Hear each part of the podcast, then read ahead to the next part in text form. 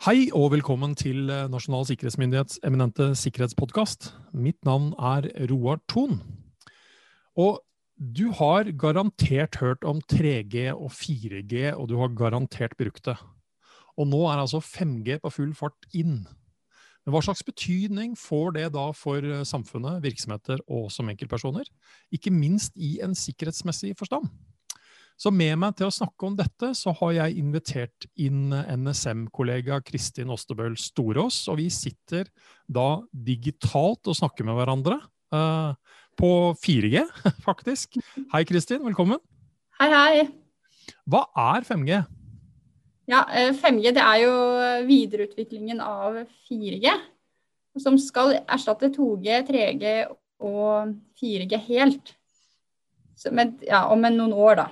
Men siden det er en videreutvikling, så kommer det jo også noe mer, da. Funksjonalitet. Det skal bli raskere og mer datatrafikk. Og kortere, kortere forsinkelser for noen applikasjoner da, til, som krever svar fra basestasjonen. Ja.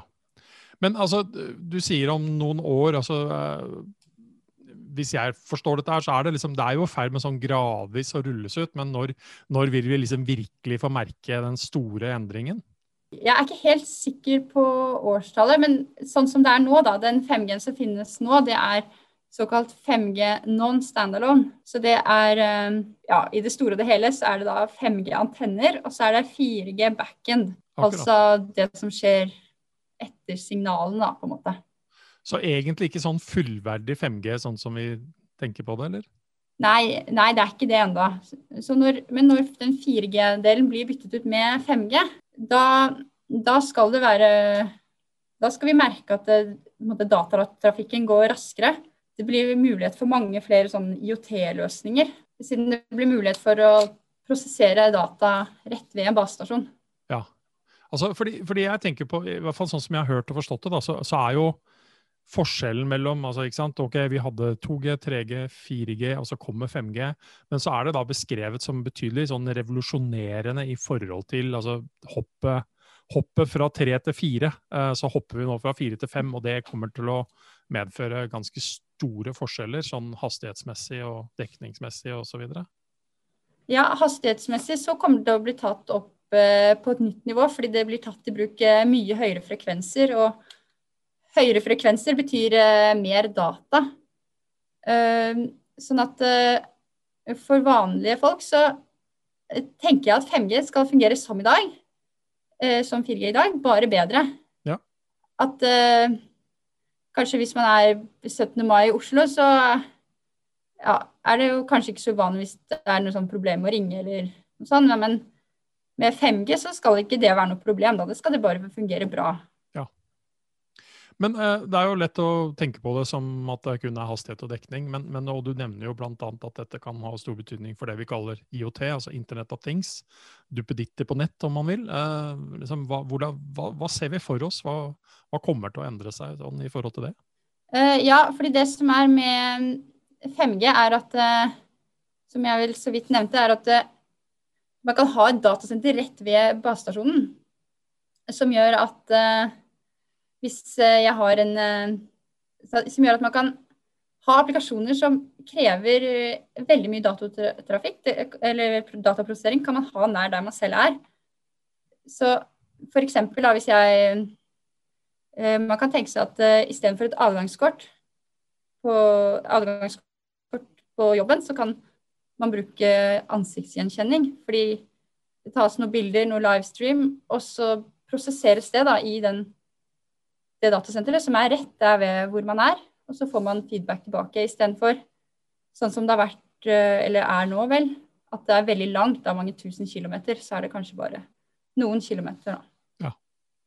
Så, så med andre ord så kan man ha en løsning som, hvis vi tenker oss når du bruker eksempel avgangskontroll, at uh, når jeg begynner å nærme meg porten eller døra, både i gange eller i ansiktsgjenkjenning, så har den allerede kjent meg igjen idet jeg tar i håndtaket, sånn at døra blir låst opp? Ja, det kan man se for seg at det vil skje. Ja. Hvordan ser vi i NSM på denne utviklingen, og hvordan påvirker det arbeidet vårt da, i en sånn sikkerhetsmessig forstand? Ja, altså vi i NSM vi, vi må, vi må jo ha kompetanse på dette her. Og det gjør vi ved, å, ved forskning og se på utfordringer og muligheter. Og så lager vi anbefalinger til uh, overordnede myndigheter, da, som igjen skal lage lover og regler ja. basert på anbefalingene. Og det, det, blir jo en, det blir jo en sikkerhetsmessig del og en juridisk del ut av det. Eh, men, men eh, altså er, vi, vi, pleier ofte å si at uh, ny teknologi ofte er sikrere. Og da er jo egentlig spørsmålet er 5G sikrere teknologi, eller, eller er det også potensielt et sikkerhetsmessig mareritt? Hvordan ser vi på det? Altså, er det nye sårbarheter der som kan dukke opp? Ja, eller sånn, I 5G så har man jo lært fra 4G. Ja. Så på en måte, det som man vet er sårbarheter der, det, de er jo prøvd og lukket, da, eller tatt vekk. da.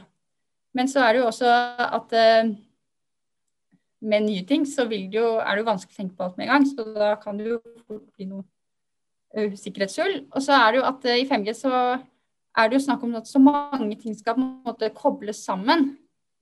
Og da er det jo ja, Jo flere ledd og deler, jo større muligheter er det for at det skjer en feil, da. Så ja, vi, ja det, kommer nok, det kommer til å være sikkerhetshull, helt sikkert. Helt klart. Og kjeltringene finner alltid nye måter å gjøre på. I verste fall nå så kan disse måtene gå enda raskere. Men uh, når, når, du og jeg sitter og ser på hverandre og snakker nå, så bruker vi begge to briller, faktisk. Uh, og uh, det har jo vært en rekke forsøk med såkalte smarte briller, som da sender og mottar data og observerer forskjellige ting. og dette er jo en sånn eksempel jeg tenker nå med, med 5G som hvor det muliggjør i enda større grad utnyttelse av den teknologien. da.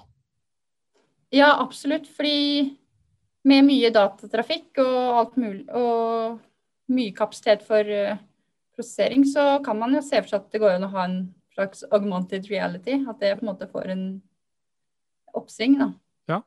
Men, men, men, i det så ligger det jo noen sånne sikkerhetsmessige utfordringer. fordi eh, Hvis man da i miljøer som, som, du og jeg jobber i, hvis man kommer på besøk til oss, så får man ikke lov til å ha med seg mobiltelefon og eh, den type ting inn.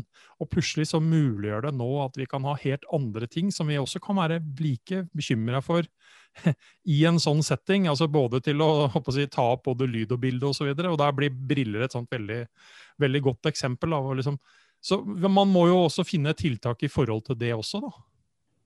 Ja, jeg tror det vil eh, Det kommer til å kreve en veldig bevissthet, da. Og at man vet hva man gjør, og setter ja, begrensninger da, for ting som ikke er greit. Ja, og så er jo det med på å skape noen nye utfordringer. For hvordan, hva, hva, gjør man, og erstatter man det? Hvis jeg da, hvis det plutselig skulle ta litt og bruke den type briller, og hvordan skal jeg da kunne, uten briller, skulle se og lese de tingene jeg trenger hvis jeg sitter i et møte som, som er litt sensitivt, for å si det sånn. Så det er det, Altså, vi, vi, kan, vi kan fleipe litt med det, men samtidig så er det en alvorlighet bak dette her. Uh, fordi dette er faktisk ting man må ta hensyn til. Jeg har en litt sånn fleipete forstand sagt at hvis dette med variable tech, altså duppeditter som er på nett, som blir sydd inn i klær og alt mulig, er der, så, så, blir våre nye hemmelige møterom der hvor regjeringen skal møtes, det blir en badstue hvor alle ute får utlevert et håndkle. Uh, og det Jeg vet ikke helt hvordan man kommer til å forholde seg til de, de møtene, men, men altså, man må ha mottiltak mot dette her også. Så det er jo en del av oppfølgingen av at man får den type teknologi. da.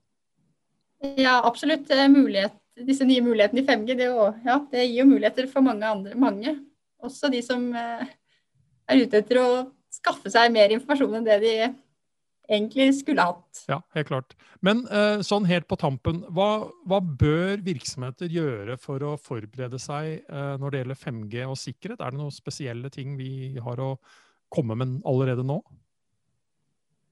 Man må jo være bevisst og tenke på tenke på hva, hva trenger jeg, og så hvilke data, hvilke data går hvor.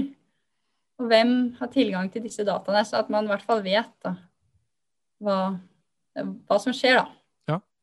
Så det er fortsatt mange av de liksom, grunnleggende, tradisjonelle tingene endrer seg ikke nødvendigvis, uh, selv om altså, vi får en litt ny, raskere teknologi som sådan, og kanskje nye ting kommer til.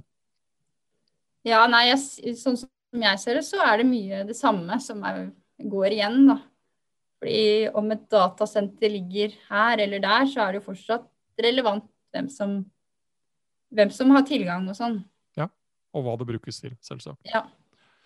Men eh, da håper jeg at vi greier å holde oss eh, i raskt tritt med den teknologiske utviklingen, også når det gjelder 5G som organisasjon, for å, for å hjelpe til å kunne bidra med ytterligere råd og veiledning rundt det. Personlig så sitter jeg og håper at 5G snart dukker opp i min umiddelbare nærhet, sånn at eh, jeg i hvert fall på hjemmekontoret kan få at ting går enda raskere, høyere kapasitet osv. Og, så og så får man samtidig håndtere de sikkerhetsmessige utfordringene som skulle dukke opp med det.